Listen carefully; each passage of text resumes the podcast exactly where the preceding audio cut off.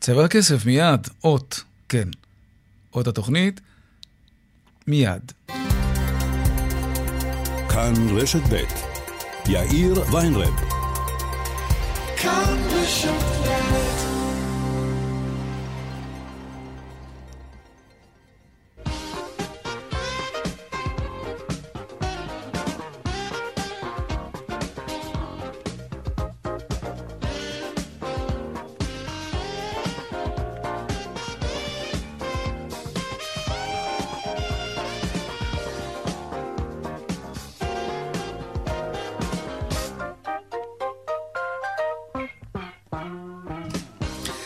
ארבע וכמעט שש דקות, כאן צבע הכסף ברשת ב' יום שני, שלום רב לכם, העורך רונן פולק, המפיק קובי זרח, טכנאי השידור משה ליכטנשטיין. הדואל שלנו, כסף, כרוכית, כאן.org.il. אני יאיר ויינרב, מעכשיו עד חמש, אנחנו מיד מתחילים.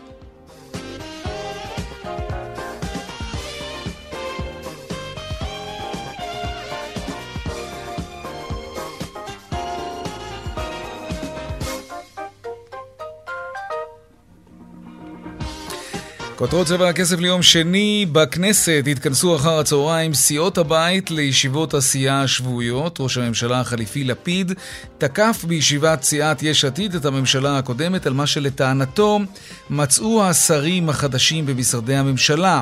ראש הממשלה לשעבר נתניהו השיב ללפיד בעקיצה ואמר לו על חורבות ההרס הזה אתה מתכוון לנסוע בשבוע הבא לביקור באיחוד האמירויות. הנה.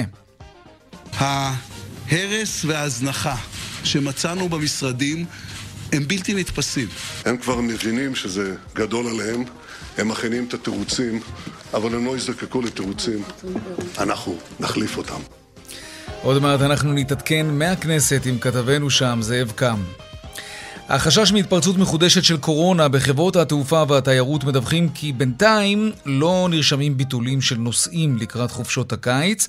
עוד מעט אנחנו נדבר כאן עם מנכ"ל ישראייר. הוא סבור שהקריאות מצד בכירי משרד הבריאות לציבור לא לטוס עם ילדים לא מחוסנים לחו"ל, הקריאות האלה לא במקומן. ועוד בצבע הכסף בהמשך על שוק הנדל"ן וההסתערות אה, על הבנקים למשכנתאות. היקף המשכנתאות במחצית הראשונה של השנה צפוי להיות הגבוה ביותר בכל הזמנים. כל הזמן שוברים שיאים במשכנתאות, זה מדהים. ועוד בהמשך אה, גם על היום הכי ארוך בשנה, זה היום, ה-21 ביוני. כיצד מנצלת ישראל את האקלים השמשי כאן אה, לטובת ייצור אנרגיה? נדבר על זה. והדיווח משוקי הכספים, כרגיל, לקראת סוף השעה, אלה הכותרות, כאן צבע הכסף. אנחנו מיד ממשיכים.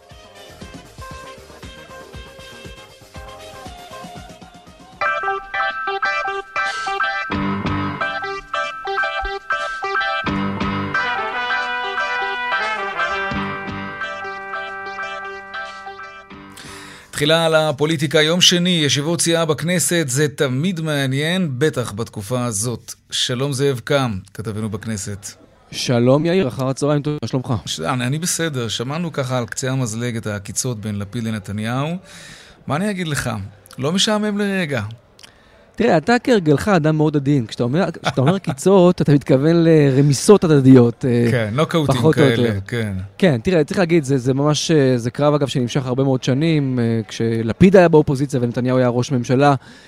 עוד מהימים שבהם התפרקה הממשלה שלהם, אי שם בשנת 2013, ממשלת נתניהו-לפיד, מאז העסק הזה הלך והידרדר ביניהם. תראה, בוא נתחיל מהדברים שאומר uh, שר החוץ הטרי, יושב ראש uh, יש עתיד uh, יאיר לפיד בפתח ישיבת הסיעה, כשהוא למעשה בא ואומר, הגענו.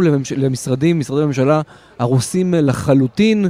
בזה הוא בעצם מכוון למה שקרה בקדנציה שזה עתה הסתיימה של נתניהו. הנה קטע מהדברים שלו. יש לנו הרבה עבודה. ההרס וההזנחה שמצאנו במשרדים הם בלתי נתפסים. אנחנו לא מתחילים לעבוד מאפס, אלא מתחת לאפס. במקום לדאוג למדינה, הממשלה הקודמת דאגה רק לעצמה ולמקורביה. אני קורא מפה לציבור לגלות סבלנות. אנחנו נבנה מחדש וטוב יותר את מערכות המדינה, אבל זה לא יקרה ביום וזה גם לא יקרה בחודש. זה תהליך. התהליך הזה ינוהל בשקיפות, באורך רוח, באופן מאוזן.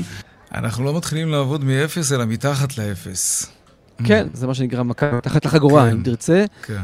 שומע נתניהו, ראש האופוזיציה הטרי, את הדברים של לפיד, והוא מחבר אותם עם הדברים שהוציאה לשכת לפיד על השיחה שלו עם שר החוץ האמריקני לפני כמה ימים, על זה שסוכם על מדיניות אין הפתעות בין ישראל לארצות הברית, פלוס הביקור של לפיד באיחוד האמירויות. הנה, תרצה, התרכיז כן. שעושה נתניהו מכל הדברים האלה ביחד. הנה. הנה.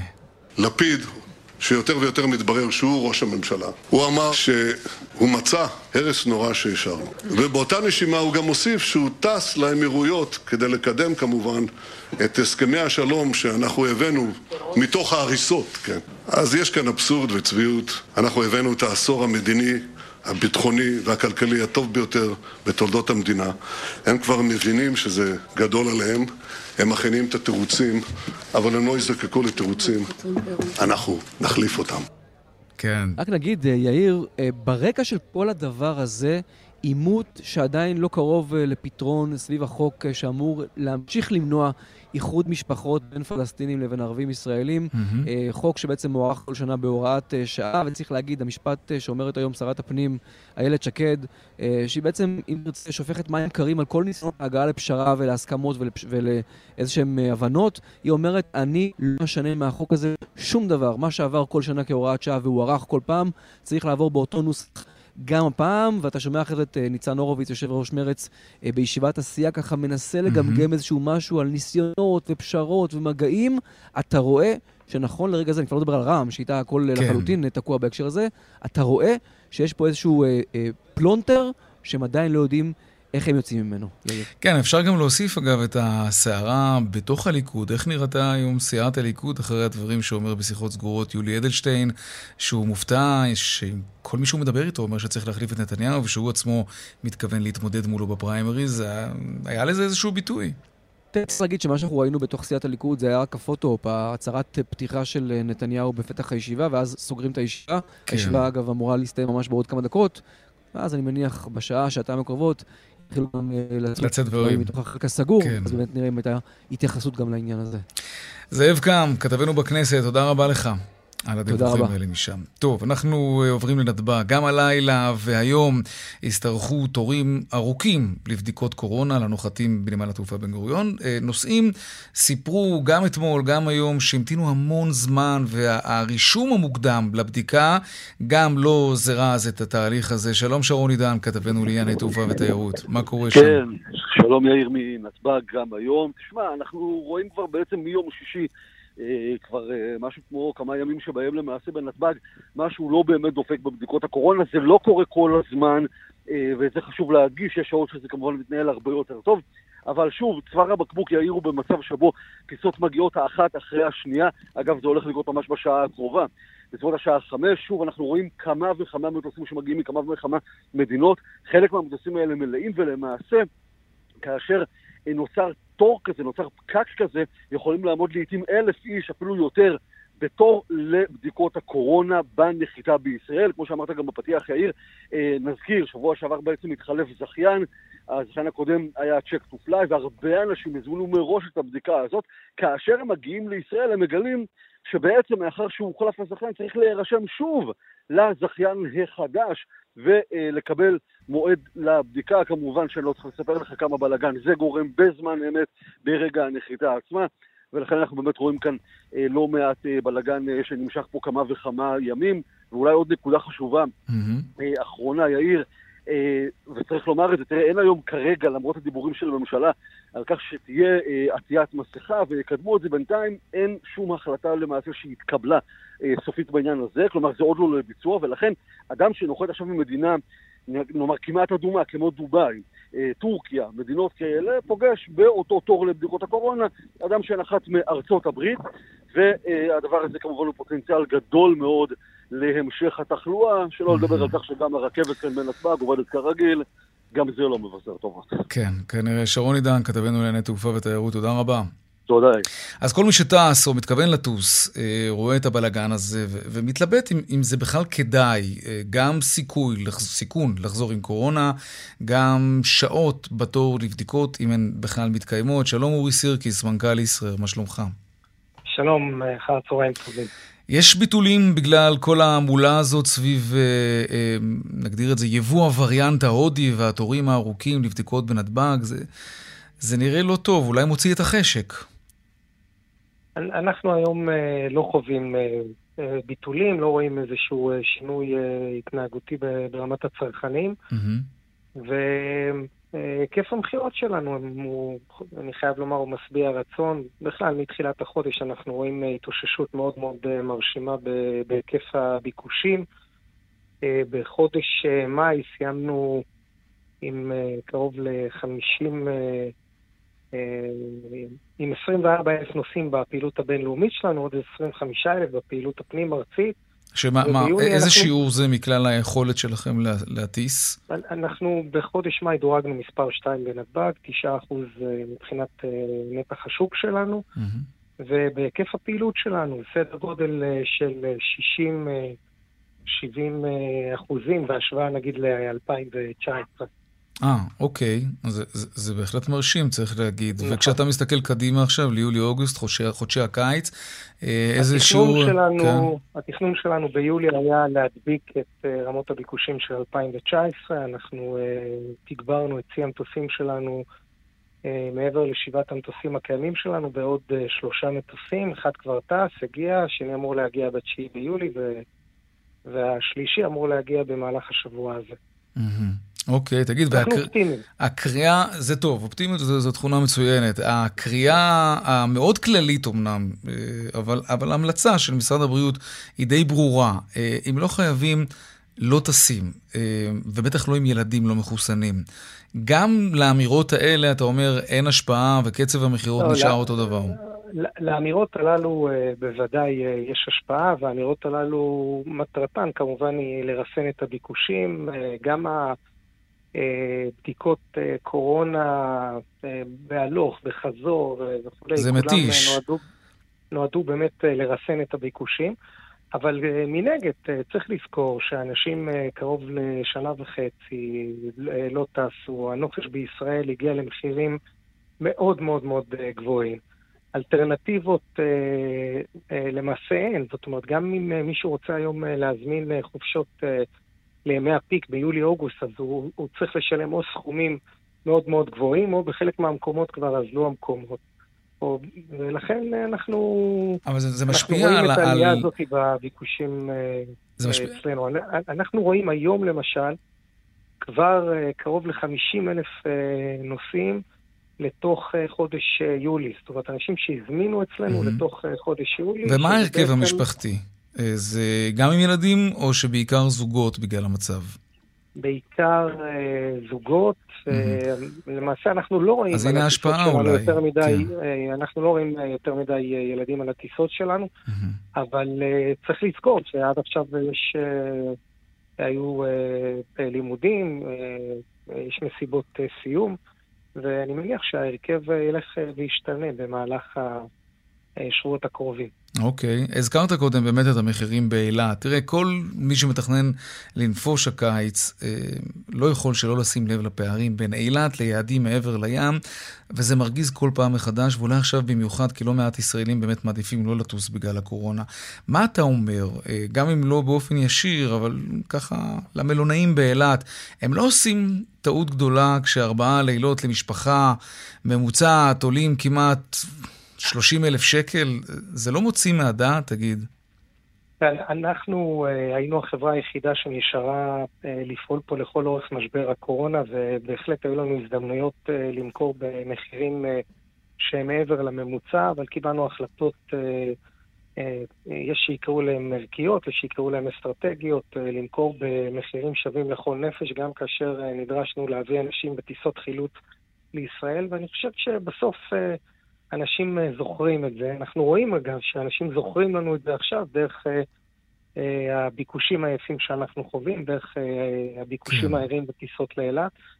אה, צריך לזכור אגב, דיברת על התשה וכולי, מול, מול הבדיקות הללו, מול התורים בחזרה, כמו שכתבכם אה, שרון עידן אה, ציין, מול כל הדברים הללו יש פער מאוד מאוד מאוד משמעותי במחיר. זאת אומרת, מישהו שהיום יקנה משפחה עם שתי נפשות, זוג עם שני ילדים, שיקנה חבילה אצלנו, אז הוא ישלם סדר גודל של 2,200 דולר לשיא העונה.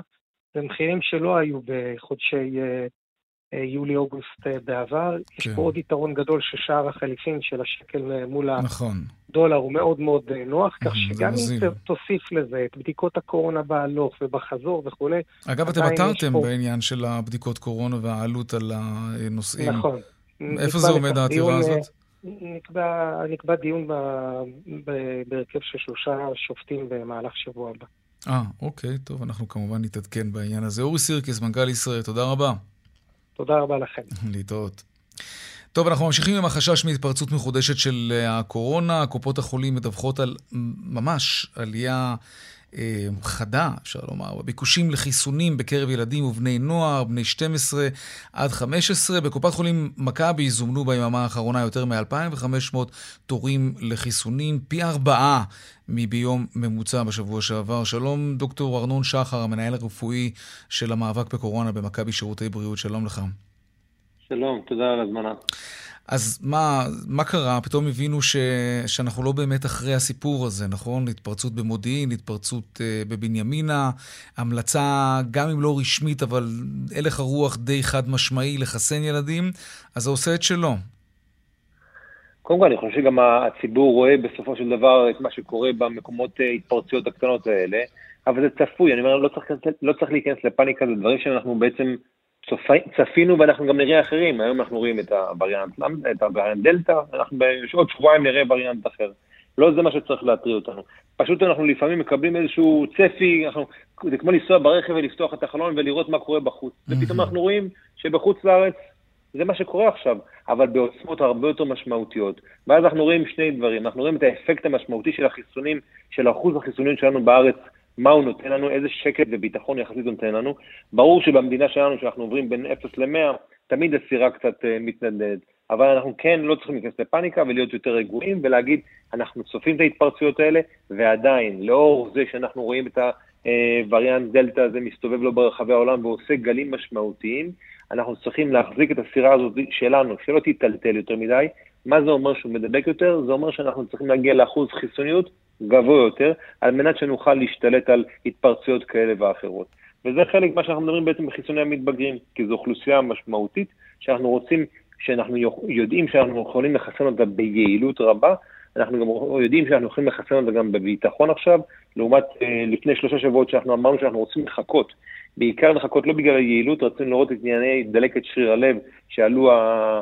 שעלתה התהייה, וראינו אצל האמריקאים שהם חיסנו בסביבות ה-2.5 מיליון מתבגרים בין גילאי 12 ל-15, ואנחנו רואים שאין עלייה בשכיחות ובהיערות אה, אה, דלקת של שרירים הלב, אז אנחנו יכולים להגיד, אנחנו רוצים לחסן אותם, אנחנו ממליצים לחסן אותם, כדי להשתלט על ההתפרצויות האלה, כדי שאנחנו בעצם לא נגיע לאיזשהו מקום, כי אנחנו בעצם איזשהו גל חדש. השאלה, אבל השאלה היא, האם באמת חלף מספיק זמן כדי לדעת שהחיסונים האלה בטוחים בכלל? כי מי שמתנגד לחיסונים האלה אומר, אתם מסתכלים חצי שנה אחורה, זה, זה לא פרק זמן מספיק ארוך כדי לדעת שהחיסונים האלה, אני לא רוצה להגיד הורגים אותנו, אבל לא גורמים לנו לבעיות אחרות. ואנשים כן, חוששים מזה, זה... בטח עכשיו, כשצריך לחשוב אם אנחנו מחסנים את היקר לנו מכל, שזה הילדים שלנו. אתה יודע מי יכול להגיד את זה? מי שחי בישראל היום, בבטחה, הוריד את המסכות בחוץ, הוריד את המסכות בפנים, חזר חזרה לבתי הספר, חזר חזרה למסעדות, יכול אפילו לטוס לחוץ לארץ מחוסן. זה טוב שיש לנו את הקולות האלה, כי זה בעצם אומר שאנחנו מספיק בטוחים בעצמנו במקום שאנחנו נמצאים בו לעומת העולם, ולהגיד, רגע, כן, בואו נדון לזה. אז אנחנו דנים בזה, לא פעם אחת, לא פעמיים, כל הזמן וכל היום, כן, גם אבל, בצט"ם וגם אוקיי, בוועדה המחסנת. אני, אני אחדד כן. מעט יותר את השאלה. אני, אני לדוגמה התחסנתי, נדמה לי חצי שנה כבר חלפה, ולא קרה לי שום דבר, לצורך העניין. זה אומר שכבר לא יהיו הפתעות? אין תופעות לוואי ארוכות טווח יותר? שוב, אני, זו שאלה ששאלנו אותה הרבה, אבל עכשיו, בגלל שמדובר בילדים, אז אתה, אתה רוצה, אתה יודע, להיזהר שבעתיים מתופעות לוואי ארוכות טווח. אז אני רוצה להיזהר, קודם כל לא נגדיר ילדים, מתבגרים, אנחנו רוצים כן. להיזהר שבעתיים אצל מתבגרים, כמו שאני רוצה להיזהר שבעתיים גם אצל המבוגרים שחיסנו עד כה. וראינו בסך הכל בפרופיל תופעות הלוואי שאנחנו כבר חיסנו לא כמה מאות מיליונים, כמויות מאוד גדולות, הרבה יותר מכמה מאות מיליונים. ברור לה שאנחנו לא יודעים קדימה ואף אחד לא יכול לנבא את העתיד חמש שנים קדימה ועשר שנים קדימה, ומטרתנו הייתה בעיקר להציל, ועדיין להציל חיים. מעבר למניעת מחלה כזו או אחרת, כן. מטרתנו פה היא להציל חיים. אנחנו צריכים לשים את זה טוב, התמונות שמגיעות, מ... התמונות שמגיעות מהודו ומאנגליה וממקומות אחרים בעולם הן מאוד חיות אצלנו, אנחנו מאוד ערים כן. לזה. אז נכון שחלפו כבר כמעט כמה שנים, אבל בסופו של דבר חודשיים, שלושה מאז שראינו את מחלקות הפנימיות בבתי החולים אצלנו עמוסות, רופאים עייפים, אחיות עייפות, מערכת בריאות מותשת, אבל זה היה אך לפני מעט מאוד זמן. כן, אנחנו אחרי זה, אבל כל הזמן יש לנו תזכורות. אנחנו לא אחרי זה. לא, לא, ברור, אבל יש לנו תזכורות מדי פעם. כן, תגיד, אתה היית ממליץ לשלב יחד עם חיסון אה, מתבגרים גם חלק מהאיסורים שכבר הוסרו, כמו עטיית מסכה במקומות סגורים וכולי, כשאנחנו רואים שהווריאנט ההודי נמצא כאן עכשיו. תראה, אני, אני לא חושב שאנחנו שם בשביל ללכת אחורה כעת בהגבלות. אנחנו מדברים על כמה, התפר... כמה התפרצויות שבעצם צריכות להדליק לנו נורות אדומות, לפתוח לנו את העיניים, ולא לא תמיד לחשב מסלול מחדש, אבל להיות יותר עניים עם העט בעל הדופק. לא בהכרח אומר שאנחנו צריכים ללכת אחורה עם ההגבלות, מה גם שעכשיו אנחנו בתקופה שבתי הספר הולכים ונסגרים, ואז אנחנו בעצם הולכים לחופשת הקיץ וצריכים להתכונן לחופשת, לתקופת לשנת הלימודים הבאה. אז אני לא בטוח שאנחנו היום, בנקודה הזאת, צריכים ללכת אחורה מבחינת ההגבלות. Mm-hmm. אני כן חושב שכל מה שקשור למתקנים רפואיים, מטפל, מטופל, אני חושב שבמקומות האלה שיש בהם יותר תחלואה, לא בהכרח הקורונה, כן, בכלל תחלואה נשימתית, חשוב להיזהר שבעתיים, במיוחד האנשים השבריריים, במיוחד מדוכאי החיסון, במיוחד במקומות האלה שהם גם צופים, אבל יש בהם גם תחלואה נשימתית. חשוב להיזהר, חשוב להיזהר וחשוב גם לשים שם מסכה ולעטות מסכה. אבל אני לא חושב שבכלל ההגבלות הגרוסו מודו הגלובליות לאוכלוסייה, אנחנו נלך אחורה מבחינת ההגבלות, אנחנו עוד לא שם. לא צריכים אוקיי. להיכנס לפאניקה, מילה... החיסון הוא טוב, אני רוצה להזכיר משהו. החיסון הוא טוב, החיסון, החיסון הוא בולם, יעיל. כן, זה נכון, אנחנו רואים את זה. חזרנו לחיים במידה רבה, כמעט מוחלטת, בכל מה שקשור לארץ, לישראל. בואו נדבר רגע על הווריאנט ההודי הזה. אמ, מי ש... ראינו שגם לא מעט מחוסנים נדבקו בנגיף הזה. האם התסמינים שלהם אכן הם קלים באופן יחסי למה שקורונה יודעת לעשות, וזה אכן בזכות החיסון? תראה, זו שאלה, קודם כל, שאלת השאלות. בסוף אנחנו מדברים על זה ש... החיסון, החיסון, הווריאנט ההודי, וריאנט הדלתא, הוא בסופו של דבר הוא יותר מדבק. השאלה אם הוא יותר אלים, כנראה שיש בו מרכיב טיפה יותר אלים, אנחנו עדיין צריכים לשבת ולהיות בטוחים בדבר הזה ולראות לאן נושבת הרוח. אה, אבל אנחנו יודעים עוד דבר כזה, שאנחנו יודעים שמול הווריאנט האנגלי, היה לנו אה, החיסון מגן, אבל הוא לא מנע הדבקה לחלוטין. גם, בחיסון הבריטי אנחנו ראינו ש-5-10% מהמתחסנים יכלו להידבק. אצל בדלתא קצת יותר, מדובר בין, בין, 10, בין 10% ל-20%. Mm-hmm. זה אומר שככל שתהיה לנו יותר תחלואה פה, ברור שאנחנו נהיה יותר כיסים פה. וזו המטרה להגיע לחיסוניות קצת יותר גבוהה, כי ההדבקה שלו יותר גבוהה. וזו המטרה, לזכור גם שככל שיש לנו יותר תחלואה, הווירוס הזה שהוא וירוס חכם, אבל יכול לייצר וריאנטים יותר mm. משמעותיים. דוקטור ארנון שחר, המנהל הרפואי של המאבק בקורונה במכבי, וחבר בכיר בצו... בצוות לטיפול אה, במגפות של משרד הבריאות. תודה רבה לך על השיחה ועל ההסברים. להתראות. טוב, אה, עכשיו אה, למשבר קורונה ועל ההשפעה שלו על המשק. גידול דרמטי ממש במספר הבקשות לחדלות פירעון וגם של פתיחת אה, תיקי פשיטת רגל. שלום עורכת הדין סיגל יעקבי, האפוטרופסה הכללית והממונה על הליכי חדלות הפירעון במשרד המשפטים. שלום לך. שלום רב. אז כמה יותר? אנחנו מדברים בעצם על גידול שקרוב אה, ל-40% במספר הליכי חדלות פירעון של יחידים בשנת 2020 אה, לעומת שנת 2019. אה, כמעט, כמעט 40 אחוז. אבל לפעמים אחוזים יכולים קצת לתעתע, אז בואי נדבר במספרים. על כמה בקשות להליכי חדלות פירעון אנחנו מדברים? בשנת 2020 הגענו למספר שיא של כ-22.5 אלף בקשות חדלות פירעון של יחידים. לסבר את האוזן, בשנה הקודמת הנתון עמד על קצת יותר מ-16,000 בקשות. ופשיטות רגל? למעשה, הליכי חדלות פירעון של יחידים זה השם החדש של הליכי פשיטות רגל. אה, אוקיי. כשאנחנו מדברים על תאגידים, זה בעצם אה, הליכי אה, פירוק. אוקיי, אז, אז, אז, אז אולי באמת נעשה את ההבחנה. חדלות פירעון באופן כללי זו בעצם פשיטת רגל של עסק, והמונח פשיטת רגל זה משהו שמדבר לאנשים פרטיים.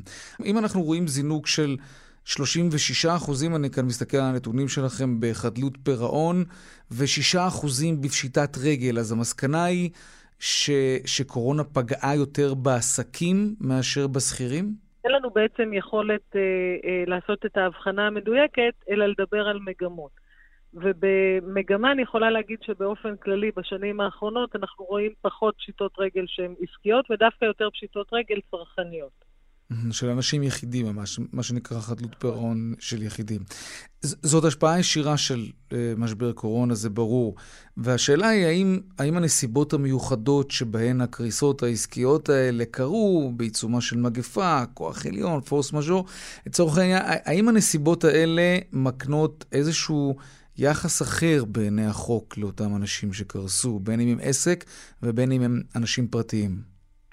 אה, אז אני אגיד שניים. קודם כל, הקביעה שמדובר בהשפעה ישירה של משבר הקורונה היא קביעה שאנחנו צריכים להיות טיפה יותר זהירים לגביה. אה, כן? את, אה, כי את מגמת הגידול התחלנו לראות עוד בחודשים ינואר, פברואר ומרץ שקדמו למשבר הקורונה, והם מוסברים בעיקר על רקע כניסתו לתוקף של חוק חדלות פירעון ושיקום כלכלי, חד, אה, חקיקה חדשה שמסדירה את התחום, מספר חודשים לפני משבר הקורונה. ובמידה מסוימת יש לנו פה... אירוע מתערב שקצת אה, מקשה עלינו לבודד את הסיבות הישירות, וכנראה זו הצטברות של מספר סיבות. הקורונה יכולה להיות אחת מהן, אבל היא לא בהכרח דווקא הגורם הדומיננטי. בהקשר הזה אני אגיד שדווקא חודש יוני שאנחנו נמצאים בו עכשיו הוא חודש מבחן, כי בחודש הזה מסתיימים הסדרים מיוחדים לתקופת uh, הקורונה, ולאחריהם נראה אם באמת יש גידול נוסף שנובע mm. בעצם פקיעתם של ההסדרים האלה, או שאנחנו נישאר על אותה רמה של אה, אה, בקשות. לשאלה השנייה שלך, אז אני אגיד שבעקבות משבר הקורונה אנחנו יזמנו יחד עם אה, ייעוץ וחקיקה במשרד המשפטים תיקון 4 לחוק חדלות פירעון, שבעצם יוצר הסדר מיוחד להתמודדות עם חובות הקורונה. אנחנו רואים שההסדר הזה, שחל גם לגבי יחידים וגם לגבי תאגידים, בעצם בעיקר תאגידים פונים אליו, גם יחידים, אבל בשיעורים הרבה הרבה יותר קטנים. ולמעשה יש שם יותר מפי שתיים חברות שפונות להליכי הסדר בעקבות התיקון. עורכת הדין אה, סיגל יעקבי, האפוטרופסה הכללית והאמונה על הליכי חדלות הפירעון במשרד המשפטים, תודה רבה לך. תודה רבה לכם. להתראות. דיווחי תנועה עכשיו, באיילון לכיוון צפון יש עומס תנועה ממחלף חולון וקיבוץ גלויות עד גלילות ודרומה ממחלף רוקח עד לגוארדיה. בדרך החוף צפונה עמוס מחבצלת עד מכמורת ובהמשך עומס כבד ממחלף אה, עד החותרים בגלל תאונת דרכים. עדכוני תנועה נוספים בכאן מוקד התנועה, כוכבי 9550 ובאתר שלנו, אתר התאגיד, אתר כאן. הפסקת פרסומות קצרה ומיד אנחנו חוזרים עם עוד צבע הכסף, נדבר על המשכנתאות שלנו וגם על היום הארוך ביותר בשנה. כן. 36 דקות אחרי השעה 4, אמ, אנחנו עכשיו נדבר על. משכנתאות. ההערכה היא שגם ביוני יישבר שיא בנטילת משכנתאות, וזה אומר שהפעילות בשוק הנדל"ן ממשיכה לגדול. יש שיאמרו להתנפח. שלום דרור פלדמן, מנהל זרוע המשכנתאות מזרחי טפחות, שלום לך. שלום יאיר. גם אצלכם הגידול מורגש בנטילת המשכנתאות? סביר להניח שכן. בהחלט, כן. בהחלט, אנחנו גוף דומיננטי בשוק הזה, כן. תגיד, אתה אומר זו גדילה או התנפחות? כי, כי למילה ניפוח תראה, יש כמובן קונוטציה נכון, שלילית. נכון, בדיוק, זה מתחיל לומר. לניפוח יש קונוטציה שלילית. אני חושב שהמגמה התחילה כבר בשנת 2020, ראינו, למרות הקורונה... שנת קורונה, כן. נכון, ראינו, וגם נדמה לי ששוחחנו אפילו פעם אחת על זה, mm-hmm. שהיקף המשכנתאות שבר את שיא כל הזמנים, עמד על 78 מיליארד בשנת 2020. והנה התחילה שנת 2021, וכל ה... מגמות שקיימות בשוק שמושכות לכיוון מסוים, לא רק שלא נחלשו, אלא אפילו התחזקו, ולכן אני חושב שלא מדובר בבועה, ואני אסביר. מגמה אחת זה סביבת הריבית, ממשיכה להיות מאוד מאוד נמוכה. אטרקטיבית, כן. ואטרקטיבית. הציבור כבר לגמרי כבר לא יושב על הגדר. אם עוד היו כמה שישבו על הגדר ושאלו את עצמם שאלות, האם הצפי לעליית מחירים מתממש? אז הנה באים, באה השנה הזאתי והנתונים שמפרסמים גופים ממשלתיים גם, מצביעים על עלייה עקבית במחירי הדיור במדינת ישראל. דבר שני, פתרון אחר, ממשלתי או אחר, לא קיים כבר תקופה מאוד ארוכה. אין מחיר למשתכן גם. אין מחיר למשתכן, נכון. אין אלטרנטיבה. כלומר, הישועה לא תבוא לזוגות הצעירים מהכיוון הזה, לא בעתיד הנראה לעין. Mm-hmm. אז סביבת ריבית נמוכה, אה, אה, אה, ציפייה לעליית מחירים, אה, תוסיף לזה גם כניסה של משקיעים לשוק הזה, שאומנם השיא שלהם, השיא הפעילות שלהם היה בשנות 2014, הם היו קרוב ל-18% מהיקף המשכנתאות ניתן למשקיעים. ודחפו את המחירים להיות, למעלה, כן. ואז התחיל להיות במגמת ירידה. אבל היו כמה בוסטים, גם בתחום הנושא של מס הרכישה, וגם עכשיו ההוזלה של, של המימון, וגם הציפייה לעליית מחירים. תיקח okay. את אוקיי. כל הדברים האלו ביחד, תבחוש אותם ב, ב, בתוך אה, אה, שוק אה, שהוא גם ככה נמצא במחסור, במחסור רב-שנתי בין היצע לביקוש, ביקוש הוא די קבוע, נכון. ההיצע הוא מאוד נמוך, לא שוחררו קרקעות, אין התחלות בנייה. ואנשים צריכים לגור איפשהו, צריכים לגור או, איפשהו. או, או להתרחב כמובן, לשדרג נכון. את ה... ומה האלטרנטיבה שלהם? האלטרנטיבה שלהם לגור בשכירות, אבל בשכירות, עולים גם כן. וגם אין שכירות, כן. זה dead end מהבחינה הזאת. אבל אתה יודע מה, דיברת עכשיו על הציבור באריכות והסברת מה גורם לו לרכוש דירות ולקחת משכנתאות, והכל נכון, אין מה לומר. בואו נדבר אליכם רגע, הבנקים. בבקשה. אתם לא חוששים ממשבר ששוק העבודה לא יתאושש, שהריבית פתאום תעלה ואנשים אה, לא מקבלים עכשיו העלאות שכר בתקופה הזאת בגלל קורונה. תראה את העלייה בפשיטות הרגל. אה, מדברים גם על גל של התייקרויות מחירים. המשק מאוד שברירי והוא משפיע על כולם, ואנשים לוקחים משכנתאות כאילו אין מחר, ופתאום יקרה כאן משהו, וזה עלול לקרות, לא נעים להגיד, אבל צריך להגיד. ומי שישלם את המחיר יהיו הבנקים, שגם, לא שהציבור לקח משכנתאות כמו משוגעים, גם הבנקים נתנו משכנתאות כמו משוגעים. אז אני חושב שאנחנו רחוקים להיות ממשוגעים. טוב, סליחה על המילה, זה היה לא, לא, בשביל מטאפורה, כן. אני מבין, אני מבין, כן. בהומור המתבקש. אני כן. מתכוון לומר שההתנהלות שלנו היא התנהלות שמבוססת על ניתוח נתוני הלווים. עכשיו בוא תסתכל רגע אפילו על שנת 2020, שהחששות היו אפילו יותר כבדים מאשר עכשיו.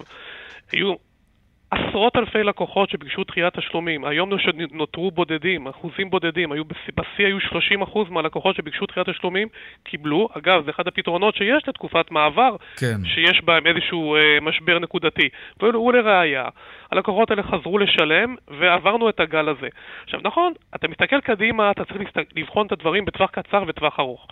זאת הסיבה גם, אגב, שאנחנו המלצנו ללקוחות לא לחשוף את עצמם בעת הזאת לפיתויים של אה, ריבית משתנה קצרה, שיש היא מאוד מאוד זולה היום, אפילו ריבית הפריים, ולקחת את כל ההלוואה, עוד שני שליש מההלוואה בריבית הזאת, כי אנחנו סבורים שמסתכלים גם על טווח, קצר, צריך להסתכל גם על טווח קצר וגם על טווח ארוך, והכי חשוב, אני אומר לכל מי ששואל אותי בתחום המשכנתאות, זה להסתכל על ההחזר החודשי, לבנות החזר חודשי שהוא גם תוכל לחיות איתו אם יקרו דברים טובים ולא טובים בחיים שלך, כי החיים הם חיים שהם טומנים הפתעות. Mm. ולכן, אנחנו ממשיכים, אין, תיאבון הסיכון שלנו, למרות מה שאמרת, לא גדל.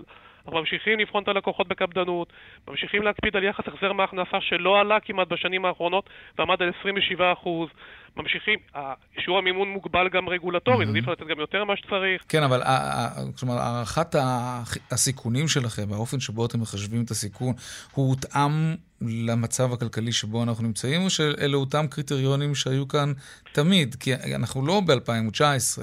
אנחנו לא ב-2019, אבל אנחנו מסתכלים היום, אה, תראה, הציבור שרוכש דירות אה, מתחלק לכמה קבוצות. בוא, אל תשכח שאגב, תקופת הקורונה, באופן פרדוקסלי או לא פרדוקסלי, יצרה גם שכבה מאוד גדולה של אנשים שיצרה אה, להם עודף כסף. כי אה, אה, נכון, היו כאלה שנפגעו, אתה מדבר עליהם כרת, חלקם אגב לא רלוונטיים לשוק, לשוק הדירות, צעירים כן. מאוד, או מבוגרים שביקשו דחיית תשלומים, ויש ציבור לא מבוטל שההוצאה המשפחתית שלו פחתה מאוד, אה, מתוך אילוץ, הוא לא יכל לבזבז את זה על קניות, הוא לא יכל לנסוע לחו"ל, הוא לא יכל אה, להיות בחדר כושר, הוא לא יכל לעשות כל מיני דברים. ובעצם ההון העצמי שלהם אפילו גדל.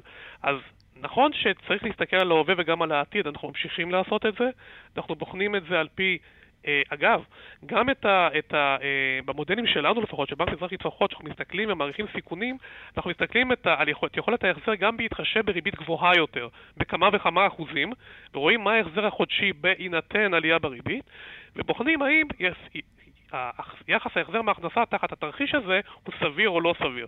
אם הוא לא סביר, אנחנו לא נעמיד משכנתה. ולכן, תמיד קיימים חששות, אבל אני חושב שהציבור בסך הכל בתקופת הקורונה גילה אחריות והוא לא, הוא לא, הוא לא רודף חלומות באספמיה. Mm-hmm. אתה יודע שבתקופת הקורונה השימוש אגב, זה לא קשור למשכנתאות, במשיכת יתר או מה שנקרא בעו"ש היה פחת דווקא. כי הציבור, למרות שהיית אומר אולי זה הפוך, אולי דווקא היה מגדיל את הצריכה בראש, אבל לא. אנשים בסופו של דבר מתאימים את עצמם גם למצב שקורה למצב הקיים. כן, וצריך גם לומר שמבחינת הבנקים, אה, המשכנתה זאת הלוואה בטוחה, כי, כי יש משהו שממושכן ביחס כמובן לכסף. נכון, אנחנו, אף אחד לא רוצה, אנחנו לא מגיעים למימושים גם, זה דבר נדיר כן. מאוד, אנחנו בדרך כלל נותנים פתרונות, אם מישהו נגיע לאיזשהו קושי, אז כמו שהיה בתקופת הקורונה, אפשר לגשר כן. עליו, בין אם זה באמצעות דחיית תשלומים, בין אם זה באמצעות מחזור של ההלוואה ופריסתה לתקופה ארוכה יותר. היינו בתקופות, אגב, אני מזכיר לך, משבר ההייטק, משברים נוספים של, שבהם לקוחות שהתחייבו על סכומים מאוד גבוהים, פתאום מצאו את עצמם עם אה, קושי. אז מצאנו להם פתרונות, לא, לא התדרדרנו, אף אחד מהם לא, לא, לא נאלץ אה, חס אוקיי. ושלום לעזוב את ביתו. טוב, אני מניח שמה שהכי מפחיד אה, אתכם בבנקים זה שמחירי הנכסים כמובן ירדו, ואז אם יש משבר כלכלי ושאנשים לא יכולים להחזיר את המשכנתה, וגם הנכס שלהם פתאום הערך שלו יורד. כן ולא, כי אנחנו לוקחים, זה, זה ההבדל אגב בינינו בארצות הברית, או מה שהיה כן, קרוי אז משבר הפריים, כן. בגלל שאנחנו לא נמצאים בשיעורי מימון של, היו בארצות הברית של 100% פלוס, אלא בשיעורי מימון, שיעור המימון הממוצע במערכת הוא 53%. Mm-hmm, זה שיעור המימון כן. הממוצע. אז אנחנו רחוקים משם, גם, יש, גם אם תתרחש איזושהי, יתרחש איזשהו תרחיש מסוים של ירידת מחירים, עדיין השווי שיעמוד לרשות ה... החשיפה שלכם היא לא גדולה במיוחד. היא לא כזאת גדולה, כן. ושוב אני אומר, אני גם לא חושב שנצטרך להגיע לנכסים, כי בסופו של דבר הלקוחות יקבלו פתרונות. זה ברור. תגיד ככה לסיום, אתם, כשאתם uh, חותמים על הסכמי משכנתה עם הלקוחות שלכם, אתם מבחינים באמת uh, בעליית מחירי הדיור? בוודאי. ממש רואים כן, את זה. איך אתם מעריכים אותה? תראה, אני לא, אני קטונתי, אני לא, אין לי סטטיסטיקה מדויקת, אבל אני, אבל אני רואה את, ה, את ה, מה שמפורסמים על ידי הגופים הרשמיים, mm-hmm. יש גם סטטיסטיקה ואחרים, ובהחלט אנחנו רואים ש... ש יותר מזה גם, אתה רואה שלקוחות אה, אה, מאיצים תשלומים בתוך אה, הלוואות קיימות, כי הם חוששים מעלייה נגיד של מדד מחירי תשומות הבנייה, שהוא גם עלה בתקופה האחרונה. כן. כלומר, הם רוצים להתקדם בתהליך. והם בהחלט חוששים מעליית מחירים נוספת, וזה מסביר בין היתר את השיא של חודש, אה, חודש מאי, כמעט תשעה וחצי מיליארד שקל במערכת, ואני מעריך שהוא יישבר בחודש יוני. טוב. נראה. דרור פלדמן, מנהל זרוע המשכנתאות בבנק מזרחי טפחות, תודה רבה לך. תודה רבה, יאיר. להתראות. ביי. טוב, עכשיו נדבר על היום הארוך ביותר בשנה, 21 ביוני. אה, הזדמנות לדבר על היום הזה בישראל, שהיא מדינה שנהנית מאור גדול, משמש חזקה ואנרגטית רוב ימות השנה. שלום יאקי נוימן, אה, מנכ"ל דוראל אנרגיה? כן, דוראל אנרגיה. דוראל אנרגיה, שלום. דוראל, אה, דוראל, אוקיי, שלום לך. עד כמה אנחנו יותר אה, סולאריים בשנה האחרונה לעומת אה, שנה שלפני? כלומר, מה, מה קצב התפשטות הטכנולוגיה והאמצעי הזה לייצור אנרגיה? קודם כל, זה באמת יום, יום חג לתעשייה הסולארית, כי זה היום הארוך ביותר בשנה, שבו יש הכי הרבה שעות שמש, ולכן אנחנו mm-hmm. מפיקים הרבה מאוד חשמל. זה בקשר ל-21 ליוני. היום במדינת ישראל מייצרים בערך 6% מהחשמל שאנחנו צורכים באנרגיה מתחדשת, באנרגיה מהשמש בעיקר, כאשר היעדים של מדינת ישראל לסוף העשור הזה, ל-2030, זה 30% מהחשמל שבו אנחנו נשתמש יהיה מאנרגיית uh, השמש, מאנרגיה 30 אחוז? זה אפשרי? כן, כן, זה אפשרי?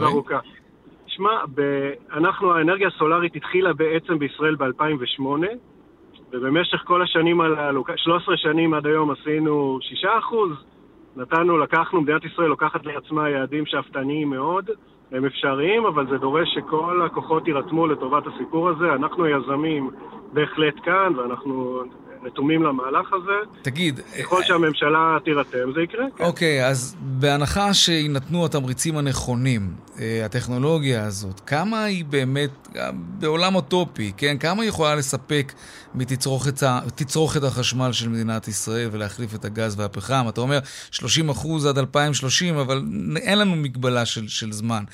טכנולוגית בלבד. יש יש מצב כזה למדינה ירוקה לגמרי, או שלא? לגמרי, לגמרי כן. כן? יש מדינות בעולם... גם בחורף? כמו, גם בחורף. יש מדינות כמו קליפורניה, שהיא מזכירה את ישראל קצת באקלים, וירג'יניה אגב, בארצות הברית. כן. גם גרמניה, שהחליטו להגיע ל-100% אנרגיה מתחדשת, ל-100% צריכה מאנרגיה מתחדשת בשנת 2050. וגם הערכה שלי, שהיעד של 30% בשנת 2030, זה לא סוף הדרך, זו רק ההתחלה, ולכן אנחנו נראה יותר ויותר אנרגיה מתחדשת, והסיבה היא מאוד ברורה, זה פשוט יותר זול.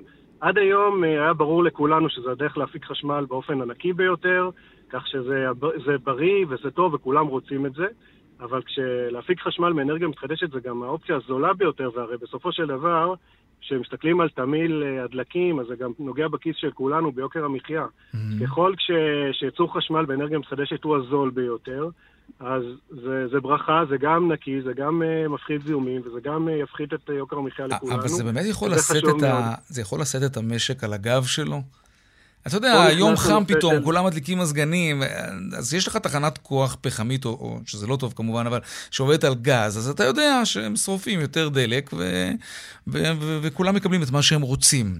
אבל כשאתה תלוי באיתני הטבע, שזה בעצם מה שאתם עושים, וזה דבר מופלא כמובן, אבל זה, יש לו משאבים מוגבלים. מדורלי חברה גלובלית, אנחנו פועלים בישראל, בארצות הברית, באירופה, אנחנו שומעים uh, את אותו משפט שאני אומר לך עכשיו במגוון שפות, באנגלית, באיטלקית ובפולנית. Uh, עולם ייצור החשמל בגז טבעי ופחם הוא גשר ל-15-20 שנה עוד שנותרו למעבר לייצור חשמל באנרגיות מתחדשות, והתשובה הטכנולוגית לזה היא אגירת אנרגיה. ברגע שאפשר לאגור אנרגיה ברגעים שבהם מייצרים חשמל, כלומר ששמש זורחת, אפשר לאגור את החשמל לשעות, בשלב, בשנים הקרובות, טכנולוגיה תאפשר לאגור את החשמל בין השעות שבהן שמש זורחת לשעות הערב. בהמשך, כשהטכנולוגיה תשתכלל, נוכל לאגור גם בין עונות. כלומר, ברגעים מסוימים... אתה מדבר על בטריות ענקיות כאלה? שרק כן, שנבין מה זה כן, אומר כן. אגירת חשמל. אגירת חשמל בסוללות או באמצעים אחרים, חברות כמו טסלה וחברות אחרות מובילות כבר אה, מוצרים מהסוג הזה. זה מאוד נפוץ וגם המחירים יורדים בצורה דרמטית בשנים האחרונות. כך שאנחנו צפויים לראות יותר ויותר אגירת אנרגיה. למעשה, ההשתלטות של האנרגיה המתחדשת על uh, עולם ייצור החשמל תושלם רק כאשר, כאשר החיבור הזה יהיה חיבור uh, אידיאלי וסינרגטי, מכיוון שכרגע, כמו שאמרת, אנחנו תלויים במזג האוויר ובאקלים, אבל באמצעות שילוב של, uh, של אמצעי אגירת אנרגיה כמו סוללות, אז, ובשלב כזה שנוכל לייצר חשמל באופן מלא לאורך כל שעות היממה, פה כבר המהפך יושלם והעולם יעבור לאנרגיה מתחדשת. זה, uh, זה מרתק ומדהים. יקי אה, נוימן, מנכ"ל דורל אנרגיה, תודה רבה, בהצלחה. תודה רבה. להתראות. אה, דיווחי תנועה עכשיו, כן. דרך שש לכיוון צפון, ממחלף נשרים עד בן שמן, יש שם עומס, וגם בין קסם לאייל, וממחלף עירון עד יוקנעם עילית, ודרומה מנשרים עד סורק בגלל תאונת דרכים, סעו בזהירות. דרך 66 דרומה עמוסה ממשמר, משמר העמק עד uh, צומת מגידו. עדכוני תנועה נוספים בכאן מוקד התנועה, כוכבי 9550, ובאתר שלנו, אתר התאגיד, אתר כאן. הפסקת פרסומות קצרה, מיד אנחנו חוזרים עם העדכון משוקי הכספים. מיד חוזרים. שבע דקות לפני השעה חמש, עכשיו לעדכון משוקי הכספים. 102, 200, take them. שלום רואה החשבון אמיר אייל, יושב ראש קבוצת ההשקעות אינפיניטי. שלום יאיר, אחר הצהריים טובים. גם לך, ספר לנו מה קורה. בורסה עולה היום, אה, הייתה אתמול ככה תחושה שאולי הנה קצת קורונה, אולי חששות, אולי נכון. בעולם אה, ירידות סוף השבוע הן אה, מגמה הפוכה, ירידות, אבל לא, היום הבורסה מתאוששת, וזה קרה לנו מאוד מאוד מהר. מדדי תל אביב למיניהם עולים, מ-35 עולה בארבע עשיריות, ה-125 עולה בחצי אחוז, ותל אביב 90 עולה ב-0.7, קצת פחות מאחוז. גם מדד הבנקים, שאתמול ככה ירד חזק, עולה היום ברבע אחוז. אה, וכך גם רוב המניות האחרות. אה, מצד שני, אגרות החוב יורדות, זה מין אה, תחלופה בין ביטחון, כלומר אגרות חוב, לבין מניות שאפשר להרוויח בהן, אבל גם יותר מסוכנות. היום הצד של המניות יותר חזק, כלומר כאילו עסקים כרגיל, ואנחנו ממשיכים לטפס כלפי מעלה, כשיודעים שהריביות הן אפסיות, ולכן מי שרוצה להרוויח הולך למניות כדי לקבל איזושהי תשואה סבירה. הדולר גם כן יורד מול השקל, 3.26. היה כבר יותר גבוה בסוף השבוע, אה, עוד אה, משהו שבכיוון באותה, באותה מגמה, וגם הבורסות אה, בחוץ לארץ נפתחו, המניות במדדי ארה"ב הן בעליות. אחרי סוף שבוע של ירידות, כן. נכון, ומה שעשה שם ככה חזרה מהירה שהיה בפיגור זה מדד הטכנולוגיה. אה, שמתחילת השנה, שראו שיוצאים מקורונה, אז הטכנולוגיה ככה הייתה פחות חזקה, כי זה מה שהיא עשתה ב-2020 והלכה אחורה, זה עשה קצ'אפ, מה שנקרא, ודי דומים. המדדים עלו בעשרה, עשרות, בין תשעה לעשרה אחוז בתחילת שנה, בארץ קצת יותר טוב, המדדים ה... אה, עלו קצת יותר, אבל גם הדולר טיפה עלה, זה די דומה. סך הכל מדדי המניות מתחילת שנה ועד היום מאוד מאוד חזקים. והצפי קדימה, כל עוד הריבית נמוכה, אמנם בתוך תנודתיות גבוהה, אבל עדיין אה, שוק המניות בראייה אופטימית אה, גם אה, קדימה. רואה חשבון אמיר אייל, יושב ראש קבוצת ההשקעות אינפיניטי, תודה רבה, ערב טוב. תודה וערב טוב. להתראות.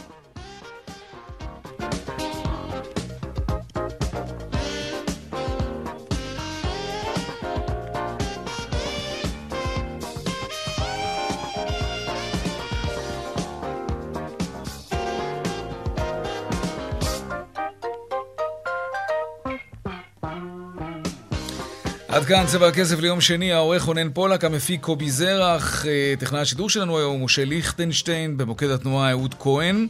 הדועל שלנו, כסף, כרוכית, כאן.org.il. מיד אחרינו שלי וגואטה, אני יאיר ויינרב, נשתמע כאן שוב מחר בארבעה אחר הצהריים, ערב טוב ושקט שיהיה לנו, שלום שלום.